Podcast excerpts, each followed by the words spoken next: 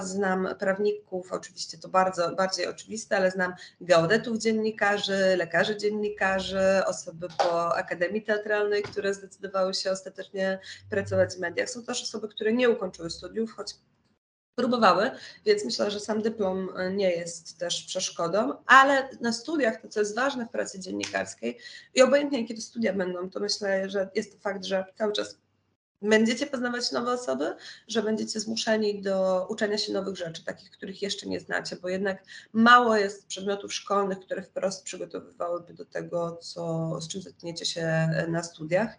Jeżeli ja bym dzisiaj miała komuś e, rekomendować, co studiować, jeśli ktoś chce być dziennikarzem, to chyba nie byłoby to dziennikarstwo jako takie, ale na pewno y, rekomendowałabym Wam wszelkiego rodzaju filologię obca i to z bardzo różnych języków, bo wśród moich znajomych jest sporo osób, które mówią po hiszpańsku, po niemiecku, fińsku, węgiersku. To niekoniecznie muszą być bardzo oczywiste języki.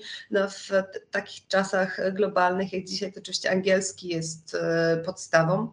Y, I kiedy też rozmawiam z nimi o tym, jak szli do tej pracy, jaka była ich droga, to często właśnie mówią, że jeżeli studia dziennika, dziennikarskie, to tylko takie, które dają Wam gwarancję tego, że będziecie tam dużo praktykować. To znaczy takie studia, w których w sylabusach i programach jest e, pracownia telewizyjna czy pracownia radiowa, w których uczą osoby, które cały czas z mediami są związane, związane. No i takie studia, na których będziecie to po prostu robić w praktyce. Moja najlepsza przyjaciółka, która studiowała dziennikarstwo we Wrocławiu, zawsze powtarza, że przez całe studia napisała jeden tekst, e, a jednak solą tej pracy jest pisanie i to nawet wtedy, kiedy będziecie chcieli chcieli występować przed kamerą czy, czy przed mikrofonem. Żeby dobrze mówić, żeby dobrze wypadać, trzeba też e, całkiem nieźle pisać.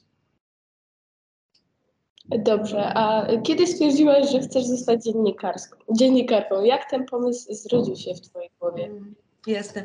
Miałam co prawda e, doświadczenia dziennikarskie już e, w liceum, dlatego że w mojej rodzinnej Witnicy pisałam dla tak znamienitego tytułu jak Wiadomości Witnickie. Witnica ma 7 tysięcy mieszkańców, więc możecie się domyślać, e, jaki to był nakład i jakie były tematy tej gazety.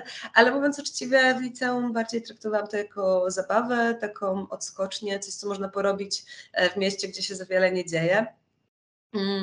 I tak naprawdę, kiedy poszłam na studia, cały czas myślałam o tej reklamie i marketingu, ale właśnie przez to, że wybrałam specjalizację z publicystyką, musiałam odbyć e, miesięczne praktyki gdzieś w mediach. To mogły być dowolne media. Mój kolega Bartek Nosal, który też jest dziennikarzem przez lata Gazety Wyborczej, teraz Interi, namówił mnie, żebyśmy wystartowali w e, konkursie na staż e, w Gazecie Wyborczej w Poznaniu.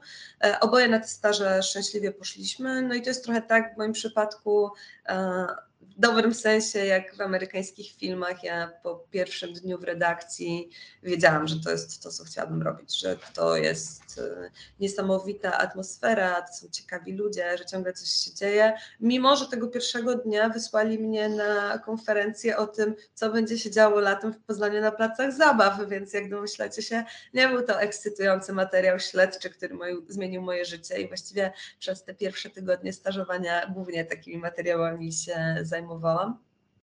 No ale właśnie cała ta otoczka, takie poczucie, że można zrobić coś ciekawego i ważnego, no to było to, co mnie wciągnęło i prawda jest taka, że kiedy ten staż odbyłam w, po pierwszym roku studiów, że kiedy po drugim roku studiów wróciłam, na, żeby stażować po raz kolejny, bo miałam taką możliwość, no to już nie wyszłam z redakcji. Już od, od tego momentu łączyłam pracę i, i studiowanie um, i już wiedziałam, że będę dziennikarką. Znaczy niczego innego też tak naprawdę nie próbowałam. Nie miałam żadnej przerwy w zawodzie takiej, która by się nie wiązała z dziennikarstwem. Jedyne co innego robiłam, to po pracy w redakcji przez wiele lat uczyłam tańca towarzyskiego. A spośród tylu możliwych dziedzin, dlaczego akurat edukacja? Na czym się trzeba skupić pisząc edukację?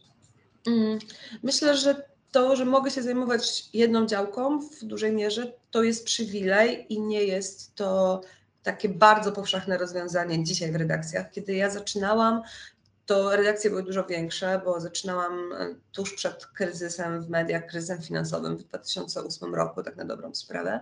Mm, I wtedy y, te redakcje, które mogły sobie na to pozwolić organizacyjnie i finansowo, stawiały na to, żeby dziennikarz specjalizował się w jednej dziedzinie, czy w kilku dziedzinach, ale nie w miarę wąskich, no bo dzięki temu e, lepiej się na nich znał, mógł poświęcić im więcej czasu, miał lepsze e, newsy, znał informatorów, no bo jeżeli spędzał cały czas, jak ja to się śmieję w moim przypadku, przypadku w pokojach nauczycielskich, no to, e, to w końcu musi zaprocentować. W moim przypadku to, to było trochę losowe wydarzenie. E, kiedy pracowałam w Poznańskiej Wyborczej, był taki moment e, gdzieś około 2010 roku, czyli po dwóch latach powiedzmy takiej stałej pracy, kiedy okazało się, że odchodzi chłopak, który się zajmuje edukacją i szukałem kogoś na jego miejsca. No i mój ówczesny szef stwierdził, że jestem najmłodsza, a skoro jestem najmłodsza, to jeszcze pamiętam, jak to było w szkole, e, wiem, jak działa edukacja, będę mogła o niej lepiej napisać, jakoś lepiej to wyjaśnić. Mm, nie byłam wtedy zachwycona i, i, nie będę udawała, że to była miłość z pierwszego wejrzenia.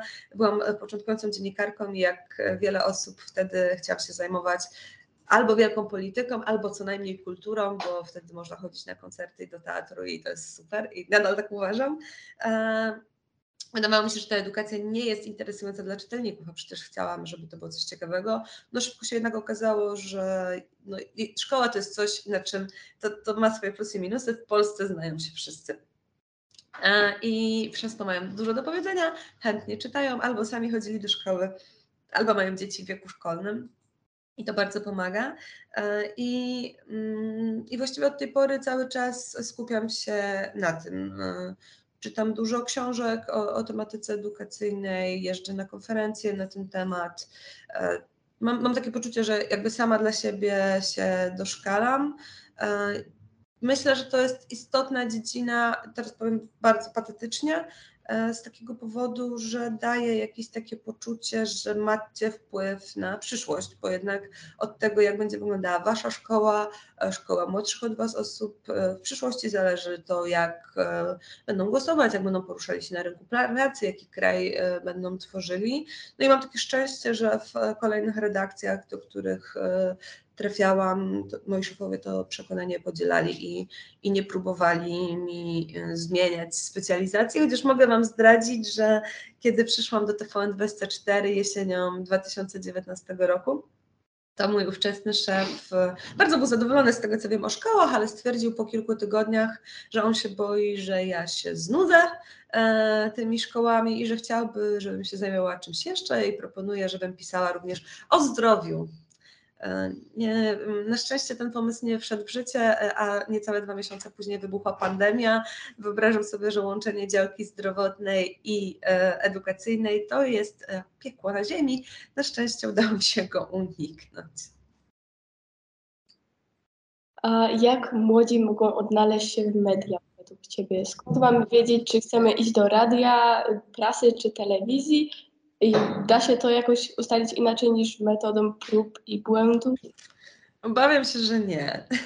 I że nie mam na to takiej odpowiedzi, że jak, jak człowiek sobie zrobi jakiś taki wewnętrzny quiz, to będzie to wiedział. Ale myślę sobie, że, że to próbowanie ma po prostu bardzo wiele zalet i, i warto się tego podjąć. Mm, na pewno zachęcam do tego, żeby myśleć o jeżeli wychodzi Wam w ogóle po głowie taki pomysł, żeby pracować w mediach, to zachęcam do tego, żeby zaczynać już teraz. To znaczy, niekoniecznie musicie być związani z jakąś redakcją, to super, e, ale dużo ważniejsze jest to, czy czy trenujecie te umiejętności, które w mediach się przydają? I to niekoniecznie e, właśnie tylko występowanie przed mikrofonem, bo nie każdy musi od razu na przykład nagrywać swój podcast, ale znaczące jest i, i w przyszłości może być dla Was istotne e, to, czy e, piszecie bloga, e, czy, opis, czy robicie bardzo porządne e, opisy na Instagramie. Ja zawsze uważałam, że zrobienie dobrego tekstu na Instagramie na 1200 znaków to jest świetna wprawka do zostania dziennikarzem. Czy kręcicie TikToki, bo te nowoczesne formy oczywiście jeszcze dzisiaj nie goszczą w telewizji w pełnym wymiarze, ale zapewniam Was, że redakcje telewizyjne już zastanawiają się, jak to zrobić, żeby nie łamiąc konwencji dziennikarskich wykorzystywać te nowoczesne e, TikTokowe czy Instagramowe nowe formy, więc to wy możecie być w przyszłości tymi, którzy będą nadawali ton tym dyskusjom. Wszystko to jest tak naprawdę gromadzenie portfolio. I dzisiaj wystarczy mieć naprawdę prosty telefon komórkowy, żeby kręcić filmy na YouTube'a, e, żeby robić e, proste podcasty. Dziennikarz musi umieć rozmawiać z innymi ludźmi i weryfikować informacje. A to, czy na koniec będzie pracował w radiu czy w telewizji, to jest myślę kwestia już bardzo indywidualnych e, takich spotkań z tą branżą, tego czy traficie na kogoś, kto Was tym zainteresuje, czy traficie na kogoś, kto Wam będzie potrafił e, to, to, pokazać. E, ja byłam przekonana, że będę w swoim życiu tylko pisać, że w tym się najlepiej czuję, że występy przed kamerą to nie jest e, coś, co lubię i paradoksalnie to nie telewizja mi to pomogła przełamać, tylko właśnie prowadzenie na YouTubie kanału o książkach, e, który chwilowo jest zawieszony, ale ciągle możecie go znaleźć jako krótka przerwa, jest tam kilkaset filmów i one nie są właśnie, jak zobaczycie, nie są świetnie zmontowane, nie są jakimś arcydziełem sztuki YouTube'owej, ale pozwoliły mi się oswoić z występowaniem przed kamerą, z mówieniem do ludzi. To, że teraz siedzę i mam włączoną kamerkę, kiedy Was nie widzę, ale czuję, jakbym była z Wami, no to też jest efekt właśnie takiego treningu. Paradoksalnie myślę, że w kwestii pracy w mediach zdalna szkoła bardzo wiele mogła Was nauczyć. Wspomniałeś, że telewizje już teraz zastanawiają się, jak wykorzystać te nowe technologie, nie łamiąc konwencji dziennikarskiej. Czy mogłabyś o tej konwencji opowiedzieć trochę więcej? Mm, jasne, to jest e, oczywiście na wielu poziomach e, pewnie zróżnicowane i, i w różnych mediach różnie wygląda, e, ale telewizja jako medium jest dosyć konserwatywna w takim sensie wykorzystywania treści, pokazywania ich. Jednak e, solą tej pracy, zwłaszcza w mediach informacyjnych, jest informacja, jest sprawdzona informacja. E, rzadko się przecież, znaczy nie widzicie raczej prezenterów w faktach czy w TVN24, którzy, żeby opowiedzieć informacje, stają na głowie czy tańczą e, do piosenek. I to się raczej nie zmieni. Trendy z TikToka raczej nie przejdą w prostej formie na antenę. No niemniej e, zaczynamy szukać e, innych możliwości, takich czasem prostych, jak choćby nagrywanie materiałów w pionie i właśnie łączenie się przez Zoomy, Teams, VMix i wszelkiego rodzaju komunikatory, w których możecie nadawać wy z domu. To bardzo poszerza, już na pewno to widzicie, bo to ostatnie dwa lata pandemii bardzo mocno to wpłynęły, to bardzo poszerza bazę ekspertów, bazę komentatorów, sposób dojścia do bohaterek i bohaterów. Zdarza nam się coraz częściej, mm, że do jakichś e, krótkich form czy form reporterskich prosimy samych bohaterów, żeby coś nagrali. Parę lat temu nie do pomyślenia byłoby, że ktoś będzie występował w telewizji czy pokazywał swój świat nagrywając z ręki, tak? Czy, czy robiąc to w takiej formule ala selfie. Dzisiaj to się już mieści. To się mieści również w poważnych reportażach, wtedy, kiedy ktoś chce się zbliżyć z czytelnikiem. I myślę, że to jest coś, czego e, cały czas się e, uczymy. No dla mnie jest to jakoś cały czas zaskakujące, że 300 e, tysięcy osób może na TikToku zobaczyć mój 15-sekundowy filmik, w którym ja nawet za dużo nie mówię, tylko pokazuję, ile wynoszą pensje nauczycieli. Tym był mój pierwszy viral i tylko moja babcia robiąca pierogi jest od niego na moim koncie lepsza, więc myślę, że telewizja nie może być na to zamknięta, że nie jest na to zamknięta, że ten proces jest bardzo powolny i bardzo długo trwa, e, że nawet wiecie, takie proste rzeczy jak umieszczenie na ekranie telewizora w e, audycji kodu QR, to jest coś, co jeszcze parę lat temu dzisiaj się nie wydarzyło. Dzisiaj to jest oczywiste, że puszczamy QR, kiedy chcemy, żeby czytelnik przeczytał nasz tekst, albo wziął udział w zbiórce, albo w jakiś inny sposób włączył się. Telewizja musi być dużo bardziej interaktywna i to jest, myślę, to wyzwanie, które będzie stało przed Wami e, i ten sposób, w jaki Wy będziecie mogli te media zmieniać. Bez zmiany pokoleniowej myślę, że nie będzie to możliwe, bo jak czasem e, jestem pytana, po co mi TikTok, to jednak e, na koniec jeszcze ciągle jestem e, zbywana wzruszeniem ramion, ale nie zawsze i coraz rzadziej. I świetnym przykładem tego, że to może iść w dobrą stronę jest na przykład mój redakcyjny kolega Radomir Wit, który w TVN24 Go prowadzi taki program o polityce bez kitu, który już coraz mniej niż programy na antenie jest spotkaniem gadających głów i myślę, że to jest przyszłość e, mediów w tej chwili. A co robić, by nie zostać tak zwaną hieną dziennikarską? Hmm. E, To jest chyba największa obelga, jedna z największych obelg dla dziennikarzy, bycie hieną dziennikarską. Myślę, że jakby sposób jest y, tylko jeden, robić swoje, robić to porządnie, weryfikować informacje, em, myśleć o emocjach nie tylko naszych odbiorców, ale również naszych bohaterek i bohaterów, zawsze zadawać sobie pytanie, po co się coś ujawnia i jaki to ma e, cel, co to ma dać, czy to ma dać coś więcej niż e, sensację. Nie wiem, wydaje mi się, że jak ktoś jest e, nazywany zasadnie hieną dziennikarską, to de facto nie jest już dziennikarzem, bo nie wiem, ktoś, kto epatuje cudzym cierpieniem, kto obnaża e, cudze sekrety, które są sprawą prywatną i nie mają interesu społecznego, no to jest ktoś, kto powinien się zastanowić, czy to jest rzeczywiście praca dla niego. Tak jak już mówiłaś, pracowałaś najpierw w Wyborczej, której papierowa wersja pojawiała się codziennie. Teraz też piszesz, jednak nic nie jest przenoszone. Ma jakieś plusy? Czy era gazet papierowych się kończy na rzecz internetu? Mm, Mam nadzieję, że e, z sentymentu era papierowych gazet e, nigdy się nie skończy, bo to jest bardzo przyjemne zobaczyć swoje nazwisko w druku i tego Wam życzę zawsze. E, Ostatnio nawet oglądałam zdjęcia, jak moja babcia ogląda papierową gazetę z moimi tekstami. To jest coś, co myślę jest dalej takim artefaktem e, bardzo przyjemnym. Zresztą e, myślę, że tak jak nie zginęły papierowe książki, tak papierowe gazety też jeszcze będą miały się dobrze. Prowadziłam kiedyś wywiad e, z e, Andrzejem Maleszką, autorem książek dla dzieci, e, które znacie na pewno i on powiedział coś takiego, że książka jest Dlaczego dzieci kupują jego książki, te, najmu- te najmłodsze, rodzice im kupują, ale dlaczego te dzieci je czytają? Dlatego, że to jest e, ostatni niezdigitalizowany artefakt w ich życiu. Mogą położyć książkę pod poduszką, mogą rzucić nią o ścianę, mogą e, podeprzeć nią biurko i cokolwiek mogą z, nim, z nią zrobić. Dla nich muzyka, film, obraz, wszystko jest cyfrowe. Chociaż oczywiście ta digitalizacja i to przeniesienie się w moim przypadku do internetu to był wybór. No i wynikał z tego, że ja widzę, że w gazetach będzie coraz mniej miejsca na e, rozbudowane treści, że coraz mniej osób je czyta, że mimo wszystko, mimo tego pracowania w papierowej gazecie, to i tak na koniec najwięcej odbiorców, czasem wielokrotnie więcej miałam w internecie, a to, co jest na pewno bezsprzecznym plusem mojej pracy dzisiaj w tvn24.pl, właśnie w, w internecie, jest ym, to, że mogę pisać dłuższe teksty, bardziej pogłębione, że papier jednak nie wszystko przyjmie.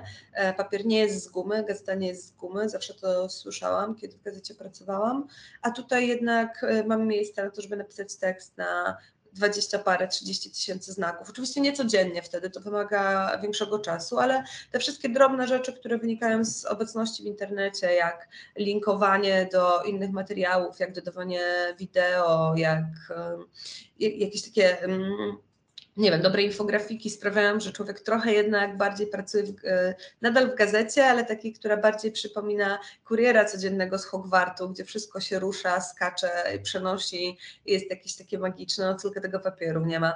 Um, mam nadzieję, tak jak powiedziałam, mam nadzieję, że to nie jest e, koniec gazet. Są takie państwa, gdzie gazety mają się może nie świetnie, ale przyzwoicie. Niestety w Polsce ta tradycja e, czytania papieru no, nie idzie jakoś w świat. Jak sobie sami się zastanowicie w skrytości serduszka, kiedy ostatnio kupiliście papierową gazetę, to myślę, że uzyskacie odpowiedź dlaczego. I nie jest to wyrzut, tak po prostu jest. W mediach wiele rzeczy się zmienia, także to, że coraz częściej w przestrzeni publicznej występują fake newsy. I teraz na przykład w czasie wojny w Ukrainie. Jak weryfikować rzetelność źródeł, z których korzystamy? Mm, Myślę, że tych e, sposobów jest sporo. Podstawowe to znaleźć źródło, czyli wiedzieć skąd dana informacja pochodzi, kto jest tak naprawdę jej autorem. E, I do tego naprawdę nie trzeba jakichś bardzo wielkich detektywistycznych umiejętności. E, Zawsze zanim się, zanim podam coś szokującego, wpisuję tę frazę e, w Google, sprawdzam, czy ktoś inny już o tym napisał. E, przeszukuję obrazy za pomocą wyszukiwarki grafiką w Google, żeby sprawdzić, czy rzeczywiście pochodzą z miejsca i czasu, w którym zostały opublikowane. Jeśli mogę Wam coś powiedzieć, to na ten temat, to czymś, co szalenie mnie irytowało na początku inwazji Rosji na Ukrainę, w tych pierwszych dniach lutego i marca, to fakt, że bardzo wiele osób, które siedziało ciepłych, bezpiecznych domach ze swoimi biurkami, zajmowało się codziennym i stałym pisaniem o tym, co zostało zbombardowane, jakie alarmy i gdzie zostały uruchomione, wrzucaniem zdjęć, których nie zrobiły i informacji, których nie miały jak sprawdzić, no bo nie były w Ukrainie. E, I nawet jeżeli miały e, słuszne intencje i chciały po prostu zwiększać wiedzę na temat tego, co się dzieje, to te same osoby musiały często publikować wpisy typu pospieszyłam się, dana firma tego nie potwierdza, a nie, to zdjęcie jednak nie jest teraz z Kijowa, tylko z Donbasu z 2014 roku, bo największym wrogiem rzetelnej informacji jest pośpiech i zasięgi. Nam się wydaje, że jeżeli coś zostało podbite czy podane dalej przez 20 tysięcy osób, to musi być prawdą i nie zadajemy sobie często już e, trudu, żeby to sprawdzić. A tymczasem, e, jeżeli chcemy rzeczywiście podać wiarygodną informację, to przecież ona nie musi być podana z naszego źródła. Jeśli my ją zweryfikowaliśmy, jeśli my poświęciliśmy jakiś czas na to, żeby ją zdobyć, to jest to zrozumiałe, że chcecie to napisać na Twitterze czy Instagramie, ale jeżeli widzicie zdjęcie płaczącego dziecka z Kijowa e, albo matki w ciąży zbombardowanego szpitala, no to pytanie, czy rzeczywiście to jest coś, co musimy wrzucać jako swoje zdjęcia, czy, czy raczej, i to jest coś, do czego chciałabym Was zachęcać, nie powinniśmy podać dalej oryginalnej treści, oryginalnego opisu, autora, fotografa, który być może narażał swoje życie, żeby to zdjęcie zrobić, polityka, policjanta, żołnierza, lekarza, każdej tej osoby, która jest na miejscu i opowiada Wam relacje z pierwszej ręki. Z prostego powodu, każda dodatkowa informacja, którą Wy podajecie, zwiększa chaos informacyjny, zwiększa szansę na to, że dezinformacja będzie miała się świetnie. I mówię o tym dlatego, że to jest wielka pokusa, sama się e, na niej e, często łapię. Im jestem starsza, tym rzadziej, bo po prostu tym więcej mam takiej świadomości, że to nie jest moja praca. Moją pracą jest pisać o szkołach, a nie informować ludzi o tym, gdzie kogo ostrzelano w Ukrainie. Nie dlatego, że to nie jest ważne, tylko dlatego, że się na tym nie znam. Więc myślę, że jeżeli będziecie śledzić media, dziennikarzy, kanały, które specjalizują się w jakichś dziedzinach, co do których wiecie, skąd pochodzą, kto ich opłaca, gdzie są w danej chwili, y, no to będziecie się bezpieczniej w tym świecie poruszać. To sami będziecie mieli poczucie, że wykonaliście jakąś dziennikarską robotę, właśnie choćby sprawdzając, z kim macie do czynienia. Czyli dziennikarstwo to też pewnego rodzaju walka z pokusami. O, ładnie, ładnie powiedziane. Tak, myślę, że tak, bo wszyscy mamy w tej branży pokusy, żeby być pierwszym, e, najgłośniejszym, żeby to o naszym materiale mówiono, żeby to nas cytowano. I nawet nie, i, sami wiemy, że nie zawsze to jest e, właściwe. E, po pierwsze, dlatego, że wtedy zawsze jest szansa, że im coś się robi szybciej, tym jest większa szansa, że wkradnie się jakiś błąd czy pomyłka. Im coś się robi szybciej, tym jest większa obawa, że człowiek zostanie zmanipulowany, więc e, dokładność to jest dokładnie, dokładnie to, co jest potrzebne, żeby z tymi pokusami walczyć. Ja na przykład mam sobie mnóstwo takich pokus, które powstrzymuję, publicystycznych, to znaczy czasem mam ochotę dosadnie napisać, co myślę o decyzjach urzędników czy polityków zajmujących się edukacją. Złośliwości mi się cisną niekiedy na klawiaturę, mm, i staram się wtedy powstrzymywać. To naprawdę jest ważniejsze, żeby napisać jak jest, niż jak mi się wydaje, albo żeby napisać komuś, że jest niemądry czy nieroztropny. To nie zmienia świata.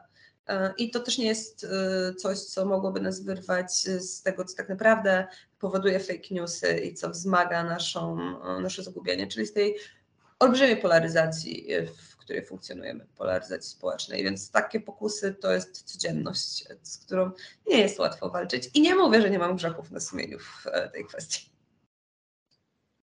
A co najbardziej lubisz w swojej pracy?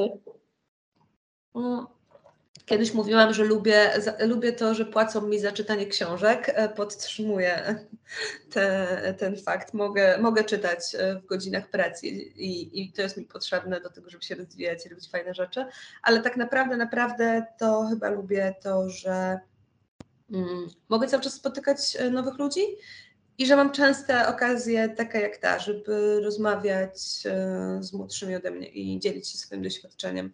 To jest coś, co przyszło oczywiście z czasem, ale dla mnie jest też e, niezwykle cenne, bo dzisiaj akurat spotykamy się w takiej formule, w której to wy zadajecie pytania, ale często jest tak, że, że prowadzę warsztaty, że to ja pytam, że to ja rozmawiam e, z licealistami, czy kiedyś gimnazjalistami i dzięki temu czuję się młodsza, e, czuję, że mi ten peron nie odjeżdża tak szybko i że jakoś e, ten kontakt z mm, kontakt z bazą, jakkolwiek to brzmi, cały czas trzymam.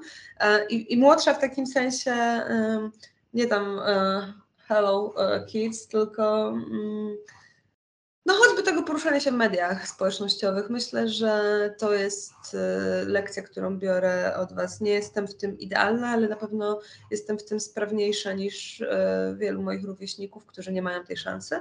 A na co dzień to jest po prostu praca, która nigdy, nie ma drugie, dwóch takich samych dni i, i to jest y, niesamowite. Czy możesz opowiedzieć nam trochę o pracy w telewizji z zakulis? Jak to wygląda?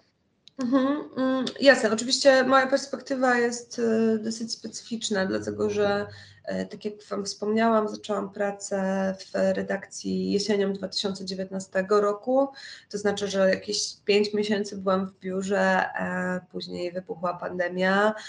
Od marca 2020 roku byłam w redakcji tak fizycznie 5 razy chyba, jakoś tak, 4-5 e, i to na kolegiach, czyli na tych spotkaniach, kiedy rozmawiamy o tym, co się ukaże da, danego dnia czy, czy w danym tygodniu.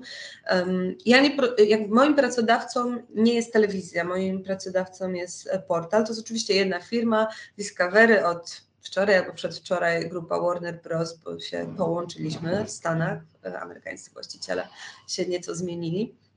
Um, I i to jest właściwie chyba dobry przykład tego, jak zmienia się optyka mediów, bo te dwie redakcje działają razem, ale osobno. Ja jako dziennikarka od edukacji zwykle najpierw piszę tekst, później pojawiam się w programach um, tych e, codziennych, typu dzień na żywo, czy, czy wstajesz i wiesz o poranku i odpowiadam na pytania moich e, kolegów i koleżanek e, prezenterów, ale równocześnie te moje teksty bywają kontynuowane czy pokazywane w naszych programach informacyjnych, w faktach, w faktach po południu, w programie Polska i Świat, ale też reporterskich, na przykład czarno na białym.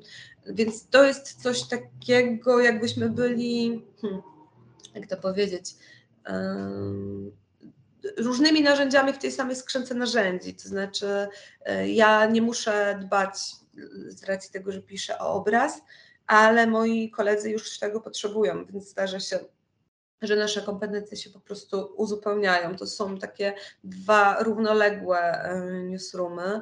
Odkąd zaczęła się pandemia, no to oczywiście ta praca się jeszcze bardziej zmieniła, bo bardzo często się pojawiamy na antenie, właśnie nie wychodząc z domu, z tego miejsca, w którym e, teraz siedzicie i gdzie stoi e, klockowy pałac kultury, a z drugiej strony rower, i, i to jest e, coś, co jeszcze parę lat temu nie miało prawa pojawić się w telewizji, bo jak to z takim bałaganem czy chaosem e, w tle wystąpić w mediach. Wszyscy się naoglądaliście półek z książkami domowych zwierzątek, więc to się bardzo zmieniło.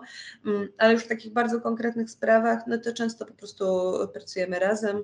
E, jest e, kilkoro reporterek, reporterów, którzy całkiem nieźle znają się na edukacji, bardzo lubię z nimi pracować. Na przykład Ada Otręba, którą Wam bardzo polecam, to jest też specjalistka od zdrowia, telewizyjna specjalistka od zdrowia. No i co? To, to jest e, efekt synergii, to znaczy kiedy ja wysyłam pytania do biura prasowego mailem, to oczywiście jakieś odpowiedzi czasem dostaję, a czasem nie, ale kiedy Ada złapie na korytarzu sejmowym czy ministerialnym e, ministra Czarnka, to zawsze jest dla nas lepiej, zawsze to ubogaca. Oczywiście przed pandemią to było inaczej, my mieliśmy dużo łatwiejszy dostęp wszyscy do polityków, ale dzisiaj obecność kamery zwiększa szansę na zdobycie e, jakiejś, jakiejś setki, jakiegoś komentarza. Większość tych rzeczy powstaje y, równolegle, że po prostu rozmawiamy, uczymy się od siebie, wymieniamy się informacjami. Raczej to jest tak, że pracujemy właśnie w jednym teamie. Mm, teraz powoli wracamy do biur. E, właśnie już teraz co poniedziałki mam, ja mam stacjonarne kolegia. E, koledzy, którzy pracują w telewizji, już mają więcej dyżurów z wiertniczej, tam gdzie się znajduje redakcja, a mniej z domu. Coraz rzadziej nagrywają Zoomy, więc myślę, że jak się spotkamy za parę miesięcy, to będę mogła Wam więcej opowiedzieć o tym, jak teraz wygląda praca telewizji, bo, bo te ostatnie dwa lata to de facto była trochę praca jak w portalu internetowym, a nie w telewizji. Y, czy miałaś okazję przeprowadzić wywiady z osobami, z którymi totalnie tobie nie po drodze? Jakie uczucia towarzyszyły ci przy takim wywiadzie? Im dłużej sobie o tym myślę, tym yy, zastanawiam się, czy rzeczywiście są takie osoby, z którymi mi totalnie nie po drodze. Są na pewno osoby, z którymi w wielu sprawach, czy w większości spraw się nie zgadzam. I to jest super pytanie, bo akurat ostatnio yy, miałam taką szansę. Mimo, że od tylu lat piszę o edukacji, przez wiele lat na wywiad ze mną nie zgadzała się była już minister edukacji Anna Zalewska. Myśmy się nie zgadzały niemal w niczym, ale nie dlatego, że nie, nie wiem, nie z powodu na przykład przynależności politycznej, bo to nie ma znaczenia. Po prostu miałyśmy inną wizję oświaty. Gdybyście zapytali pani minister, dlaczego mi odmawiała wywiadu, to myślę, że trudno byłoby jej odpowiedzieć, dlatego że wielokrotnie publicznie, e, nawet na konferencjach prasowych, zapowiadała, że oczywiście, że się ze mną spotka i że bardzo szanuje moją pracę i że z radością odpowie na moje pytania. I nigdy do tego nie dochodziło. W takim najbardziej um, kuriozalnym przypadku wywiad został od, od, odwołany rano, bodaj na godzinę przed rozmową. E, dlatego że mm, wtedy mi wytłumaczono, że jakiś krytyczny artykuł o prezydencie ukazał się w mojej gazecie i pani minister będzie niezręcznie ze mną rozmawiać, mimo że to nie był mój artykuł, ona nie miała zastrzeżeń e, do mojej pracy.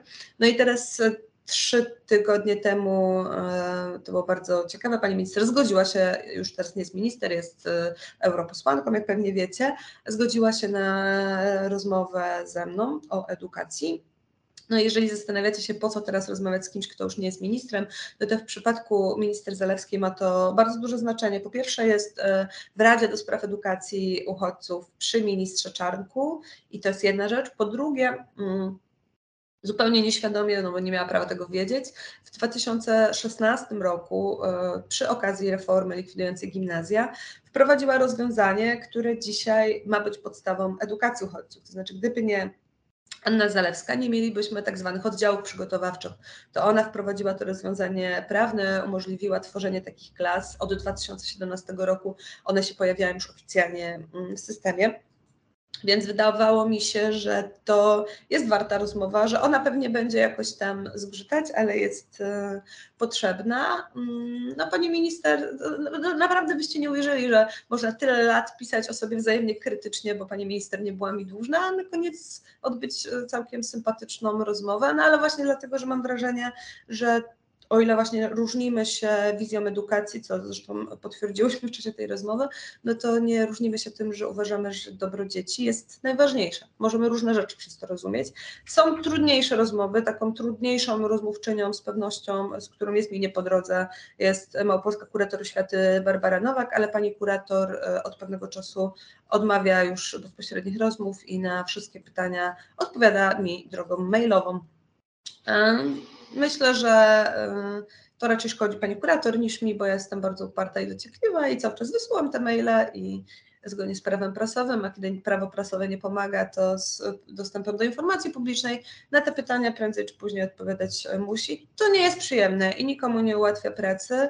E, jeżeli e, minister, dziennikarz, e, minister, polityk, urzędnik publicznie nas obraża, Moja koleżanka Ada Otręba ostatnio została nazwana na konferencji prasowej przez ministra Sherlockiem Holmesem dziennikarstwa, ale nie odpowiedział na jej pytanie, więc myślę, że moja koleżanka powinna wziąć to jako komplement, dlatego że rzeczywiście to, co pytała ministra, e, było złapaniem go na, na jakiejś nieprawdzie. Mm, no to jest coś, na co trzeba być uodpornionym, trzeba być e, przyzwyczajonym, że nie wszyscy wasi rozmówcy będą dla was mili, e, że w ogóle to nie jest celem waszej pracy, żeby ludzie byli zadowoleni, że wy nie musicie e, się przyjaźnić ze swoimi rozmówcami, e, ale na pewno wielką, wielką wartością dodaną tej pracy jest właśnie rozmawianie z ludźmi, z którymi się nie zgadzamy, z ludźmi z innej bajki, e, pod każdym względem poglądów, polityki, wieku, pochodzenia, w ogóle ludzi, którzy są od nas różni, bo tylko dzięki temu wasze teksty mogą być e, pełne. Bardzo złą praktyką jest e, to, co się dzieje w ostatnich latach, czyli e, ograniczenie, praktyczne ograniczenie dostępu do informacji przez instytucje publiczne. Naprawdę liczne pytania do biura prasowego, na które mimo prawa prasowego nie, nie odpowiedziano mi. I to jest coś, na czym tracę ja jako dziennikarka, ale przede wszystkim tracą obywatele, dla których staram się te informacje uzyskać. No i, i nie bardzo mam pomysł, jak te e, praktyki odwrócić, bo władza nic sobie nie robi z tego. Teraz mamy pytanie z czatu. Cieszymy się, że one się zaczęły pojawiać. Zachęcamy do tego. Jaki był Twój najbardziej interesujący rozmówca? Najbardziej interesujący rozmówca. Hmm. No ja mam takie, e, zawsze się śmieję, że mam takie rozmowy od sasa do lasa. Bardzo różne rzeczy robiłam w redakcjach i kurczę, tak osobiście to szczerze mówiąc najbardziej się chyba zawsze ekscytowałam tym, co mnie interesuje e, ludzi, robiłam na przykład rozmowę z Andreasem Schleicherem, to jest szef Międzynarodowego Badania Kompetencji 15-latków e, PISA e, i to było bardzo cenne. Sporo rozmów z pisarzami, z Szczepanem Twardochem, Radkiem Rakiem, Joanną Bator, Anną Cieplak, takimi pisarzami, pisarkami z topu, nagradzanymi czy nagrodą Nike, czy, czy paszportami polityki i, i to jest super. To były zarówno rozmowy do gazety, jak i rozmowy e, na YouTubie, czy, czy spotkania autorskie z pisarzami e, które, i pisarkami, które prowadzę. Mm, taką moją rzeczywiście naj, chyba najgłośniejszą rozmową, bo dostałam za nią nominację do Grand Pressa, e, był właśnie wywiad z pisarzem Radkiem Rakiem, to jest e, zdobywca nagrody Nike za paść o wężowym sercu, ale właśnie nie dlatego, że to była rozmowa z stricte o literaturze czy o książce, tylko dlatego, że Radek udzielił mi wywiadu, e, po raz pierwszy mówił o tym tak otwarcie i tak dużo na temat tego, jak na temat swojej przyszłości i tego, jak był ofiarą przemocy szkolnej. Jest moim rówieśnikiem, więc oczywiście mówił to z perspektywy osoby dorosłej, ale osoby, której niesie traumę tamtych wydarzeń przez całe swoje życie, osoby, której bardzo na sercu leży to, żeby takie historie się nie powtarzały. I to jest w ogóle pasjonujący rozmówca. To jest e, człowiek, który jest na co dzień weterynarzem, to jest człowiek, który pisząc fantastykę, dostał najważniejszą nagrodę literacką w Polsce. Miły, zabawny, super elokwentny, przeczytał, myślę, pół biblioteki. E, I, to była dla mnie taka chyba rozmowa szczególna. Im dalej od niej, e, tym, tym bardziej to widzę. E, dużo ciekawych rozmów odbyłam do, do książek, do obu, zwłaszcza do tej drugiej. Tam są takie osoby, które są nieoczywiste. W pierwszej książce przeprowadzałam wywiad z Igą Świątek, która jest bardzo fajną, miłą osobą jeszcze przed wygraniem Wielkiego Szlema. W drugiej książce będzie wywiad z Darią Abramowicz, jej psycholożką.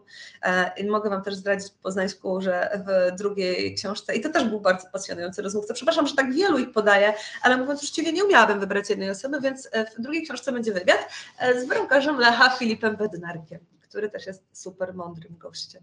Polecam. Nam już się kończy czas, ale jeszcze Jasne. E, w swoich social mediach pisałaś, że, książ- pisałaś, że książkę piszesz w Excelu. To jest e, żart jakiś, czy faktycznie używałaś Do, dobry research, gratuluję. E, faktycznie używam Excela, e, może nie w jego podstawowej funkcji, bo nie potrzebuję tam wpisywać formuł, ale dzielę sobie materiał, nad którym pracuję, też nie tylko w przypadku książki, czasem też zwykłych tekstów.